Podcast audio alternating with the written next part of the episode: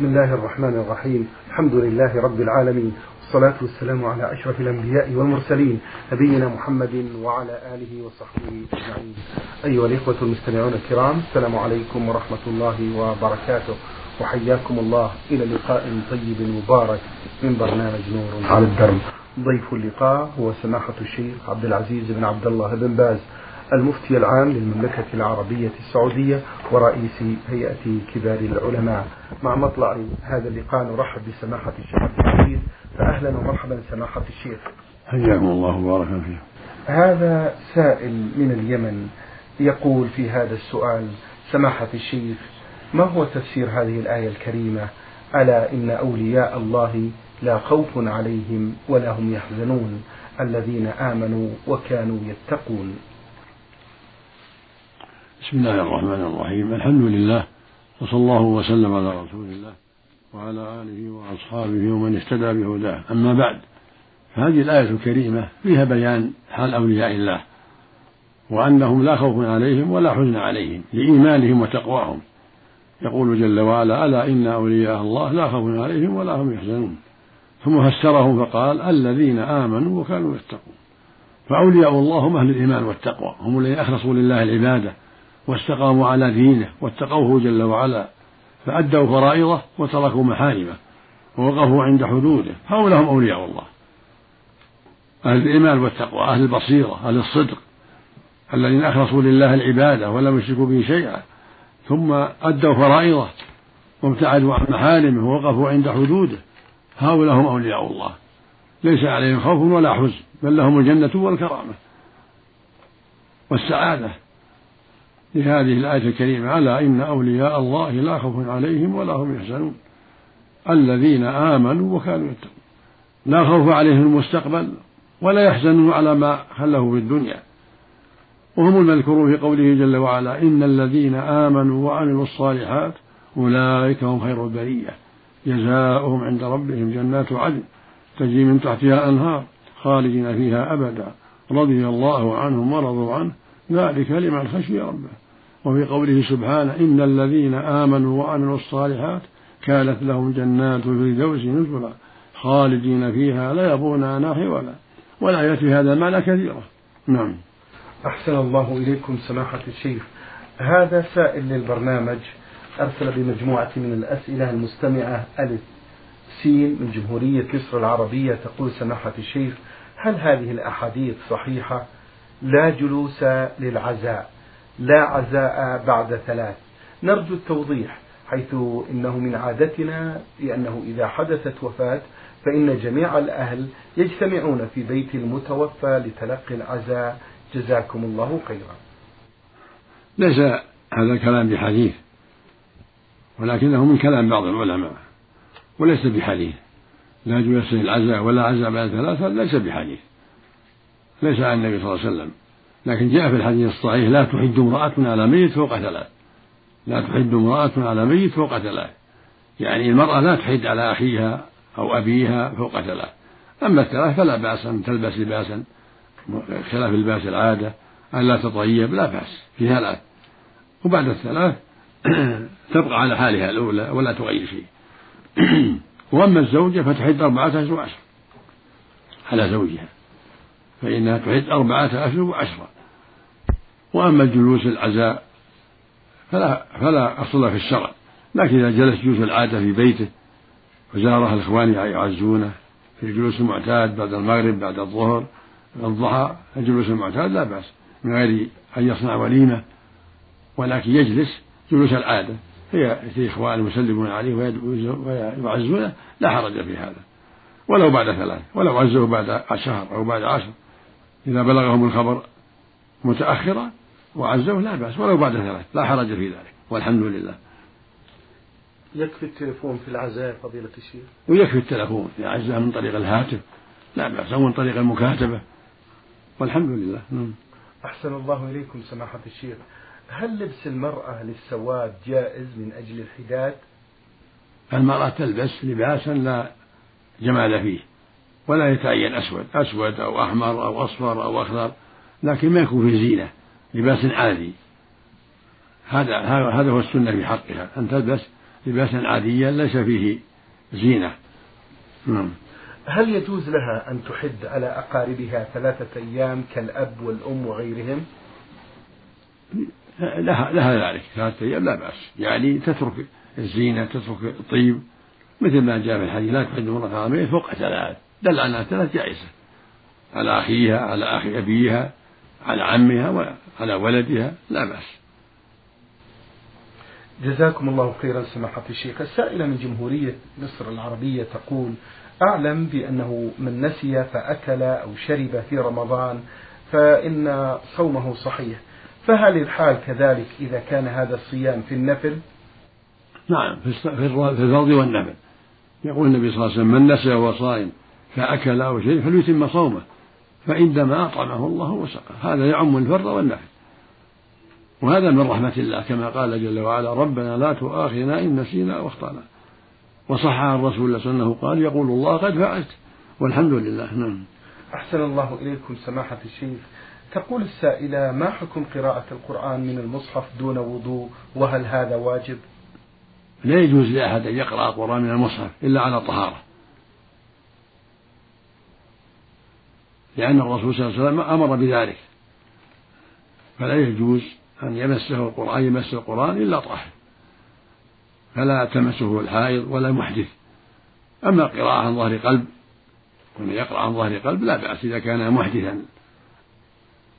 أما الجنوب فلا إذا كان حدث أصغر. أما الجنوب فلا يقرأ لا من المصحف ولا عن ظهر قلب حتى يغتسل. أما الحائض ففيها تفصيل. كونها تقرأ عن ظهر قلب لا حرج في ذلك لئلا تنساه. هذا هو الصحيح.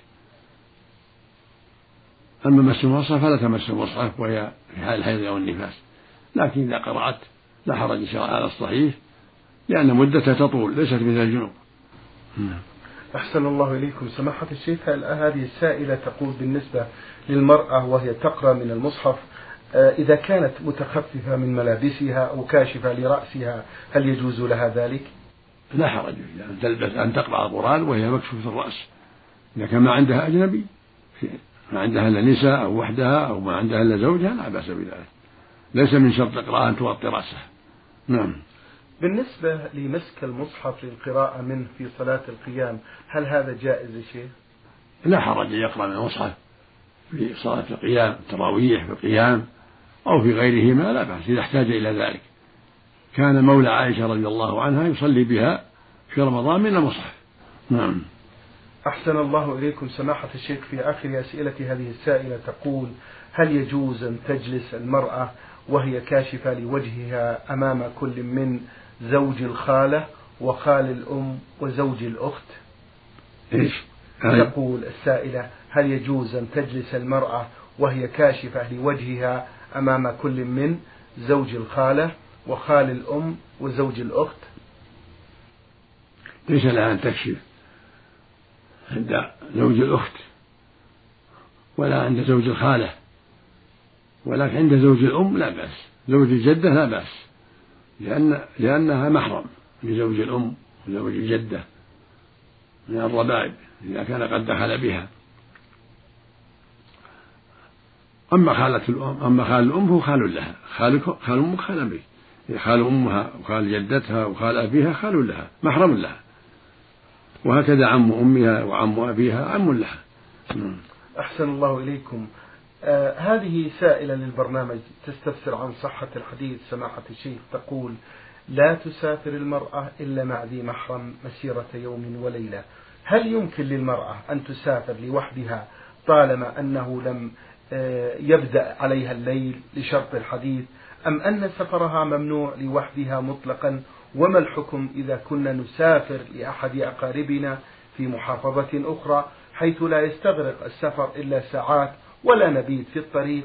نرجو التوجيه سماحة الشيخ. ليس للمرأة أن تسافر إلا مع ذي محرم مطلقة. لقوله صلى الله عليه وسلم لا تسافر المرأة إلا مع ذي محرم متفق عليه من حديث ابن عباس رضي الله عنهما. ولم يحدد يوما ولا ليلة. أما الأحاديث التي فيها تحديد بيوم وليلة أو بيومين أو ثلاثة أيام هذه حملها العلماء على أنها على حسب الأسئلة. يسأل ثلاثة أيام فيجيب عليه الصلاة والسلام وعن يومين فيجيب وعن يوم وليلة فيجيب. والجامع في هذا هو السفر. فكل سفر ليس للمرأة أن تسافره إلا بمحرم. وهو مسيرة, مسيرة ثمانين كيلو تقريبا يوم وليلة للمطية سابقا. فإذا كان السفر يبلغ ثمانين كيلو تقريبا فهو سفر. ليس لها أن تسافر إلا مع ذي محرم أحسن الله إليكم سماحة الشيخ. هذه السائل يا نون خا من المنطقة الشرقية يقول هل يجوز لي أن أذكر أذكار النوم بعد الاستيقاظ مباشرة من النوم قبل غسل الوجه والوضوء أم بعد غسل الوجه والوضوء؟ إذا استيقظ الإنسان يأتي بالأذكار المشروعة. يذكر الله جل وعلا له ملكه وله كل شيء قدير. سبحان الله والحمد لله ولا إله إلا الله والله أكبر ولا حول ولا قوة إلا بالله. الحمد لله الذي أحياني بعدما أماتني وإليه. حين يستيقظ قبل أن يقوم حين يستيقظ يأتي بأذكار أنه كما كان النبي يفعل عليه الصلاة والسلام. وهكذا الآيات من آخر سورة آل عمران يقرأها. إن في خلق السماء إن في خلق السماء واختلاف الليل والنهار لآيات لأولي الألباب إلى آخر السورة. كان النبي يستيقظ يقرأها عليه الصلاة قبل أن يقوم من مقامه عليه الصلاة والسلام. هذا هو السنة. أحسن الله إليكم. هذا سائل للبرنامج يقول سماحة الشيخ العطور التي يوجد بها كحولات ما حكم استعمالها بالنسبة للرجال والصلاة فيها؟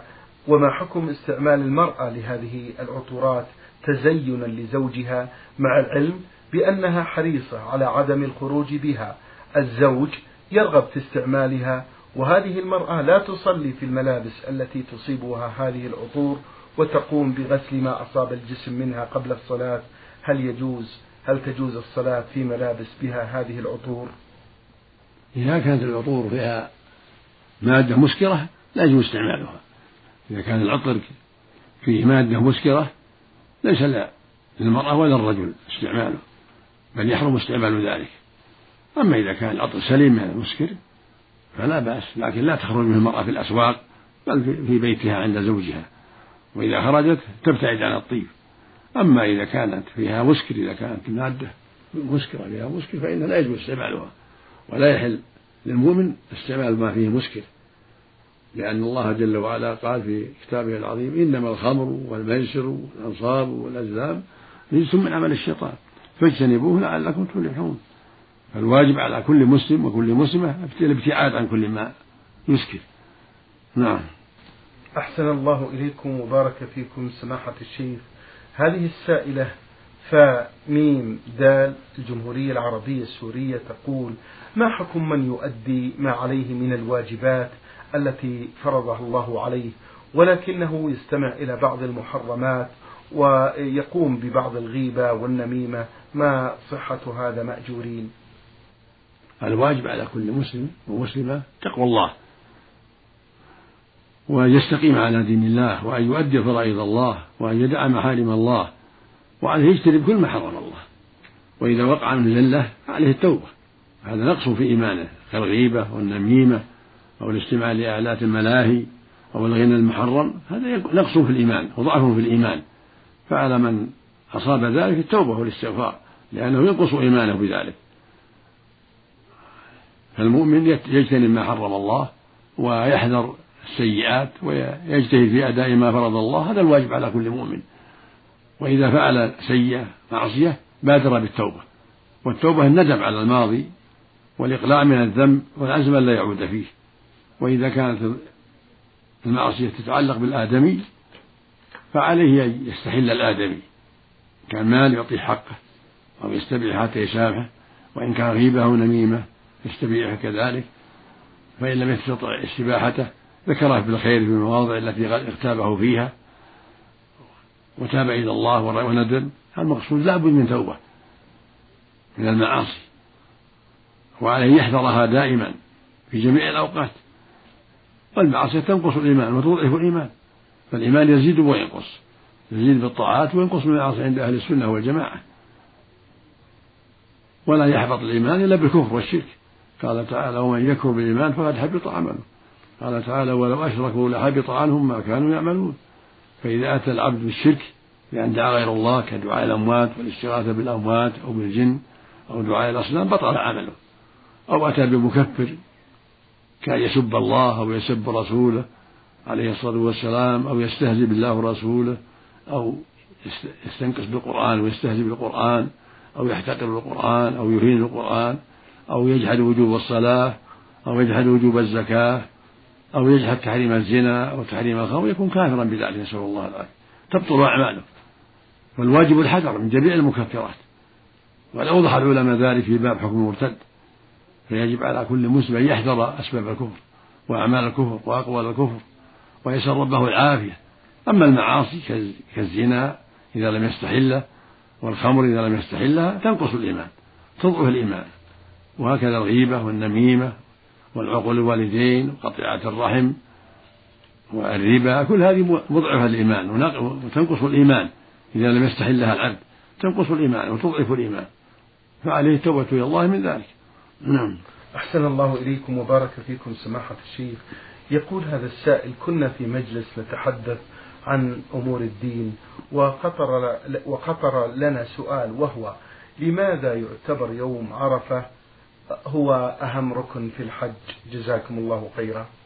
لأن الرسول صلى الله عليه وسلم قال في ذلك الحج عرفة. بين الرسول صلى الله عليه وسلم أن الحج هو عرفة. هو الركن الأعظم. من فاته الوقوف بعرفة فاته الحج. لأن الرسول بين ذلك. قال الحج عرفة. فمن أدرك عرفة بليل فقد أدرك الحج. فدل ذلك على أن من لم يدرك عرفة فقد فاته الحج. نعم. أحسن الله إليكم. يقول السائل سماحة الشيخ حاليا أعمل هنا في المملكة حيث كنت لا أصلي في جميع الأوقات والآن ولله الحمد التزمت وأصوم أيام 13 و14 و15 من كل شهر والحمد لله كما أداوم على قراءة القرآن الكريم في أكثر الأوقات. والسؤال كنت بالسابق لم أصلي إلا ما ندر ولا أصوم في رمضان وهجرت القرآن. هل علي إعادة لتلك الأيام سماحة الشيخ؟ ليس عليك إعادة. التوبة تجب ما قبلها والإسلام يهدم ما كان قبله والحمد لله. ما دمت رجعت إلى دين الله وأسلمت وتبت فالذي مضى ليس عليه ليس لك عليك عليك قضاء ولكن عليك لزوم التوبة والاستقامة كثرة العمل الصالح والاستغفار. وابشر بالخير أبشر بالخير التوبة تجب ما قبلها والإسلام يهدم ما كان قبله والحمد لله. بعض الشباب سماحة الشيخ يتذكر تلك الأيام ويوسوس له الشيطان عن تلك الأيام التي لم يصليها أو لم يصم فيها. هل من توجيه لأولئك الذين نعم نعم. عليه عليه يتعوذ بالله من الشيطان. إذا خطر هذه الوساوس عليه يقول أعوذ بالله من الشيطان الرجيم. يتعوذ بالله من الشيطان الرجيم. ويحسن ظنه بربه. ويكثر من الاستغفار. ويكثر من التعوذ بالله من الشيطان. ولا يضره ذلك. الشيطان يوسوس ويؤذي المؤمن. ولكن عليه أن يكون قويا ضد عدو الله وأن يستعيذ بالله من الشيطان وأن يحذر الوساوس ويحمد ربه على ما من به عليه من التوبة. جزاكم الله عنا وعن المسلمين خير الجزاء سماحة الشيخ.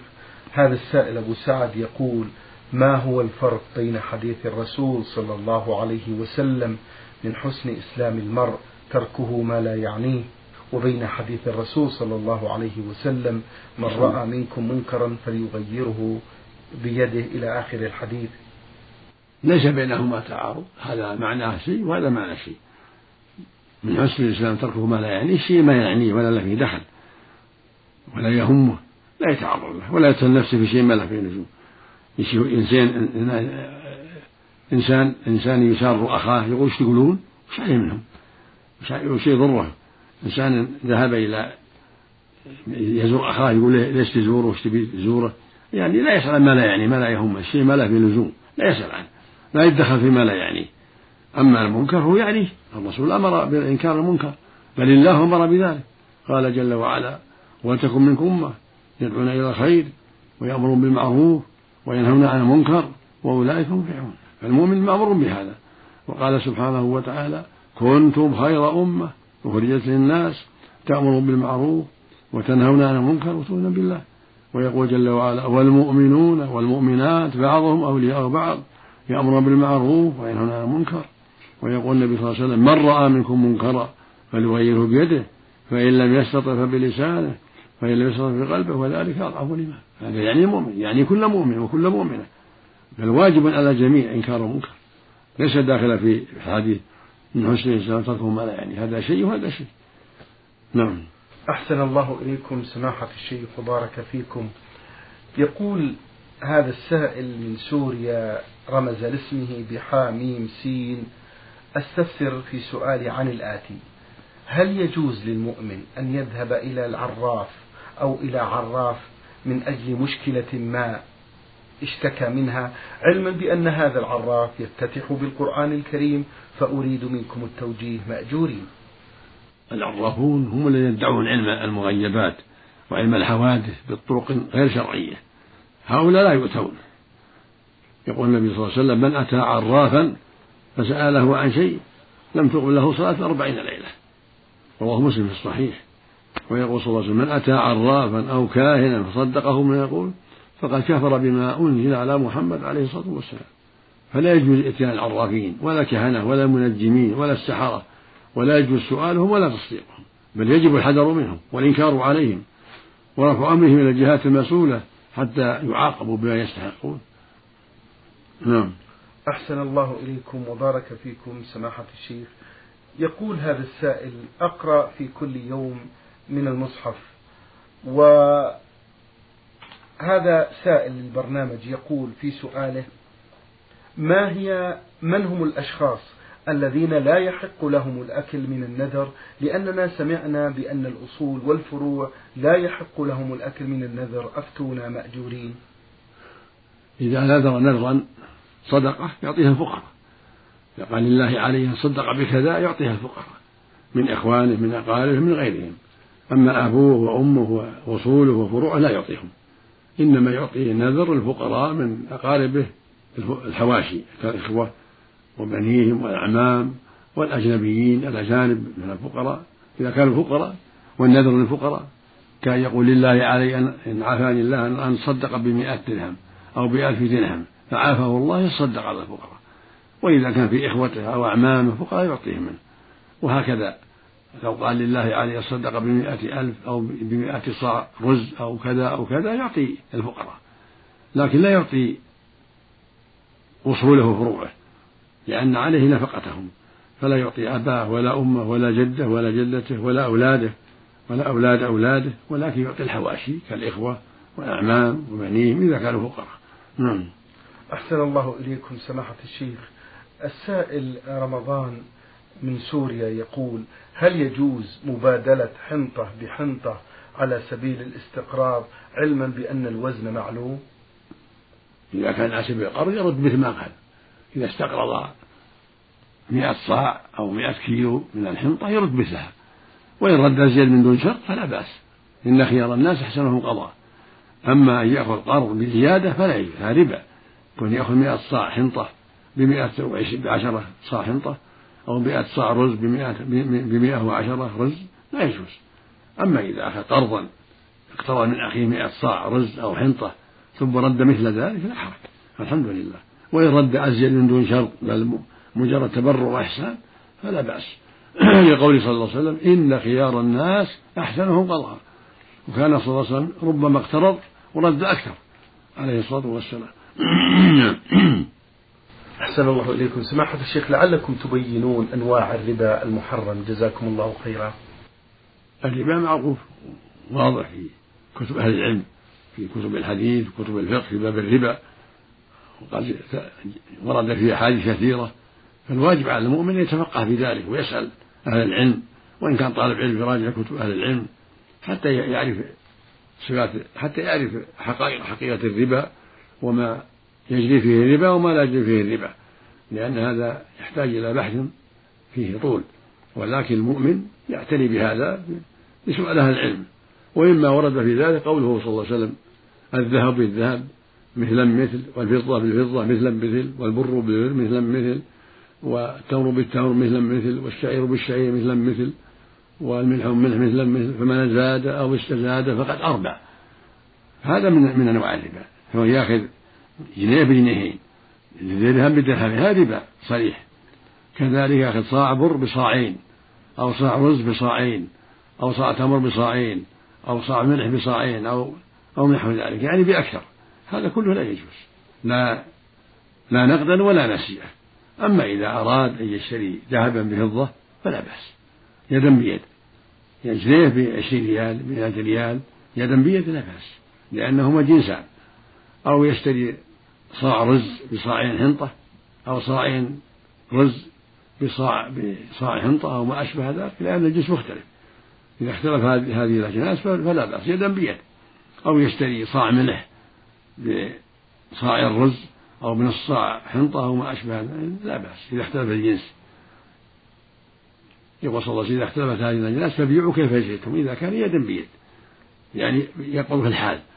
فإذا أخذ صاع رز بصاع ونصف من الحنطة أو صاع حنطة بنص صاع بصاع من الشعير يدا بيد أو صاع ملح بنص صاع من الحنطة يدا بيد لا بأس.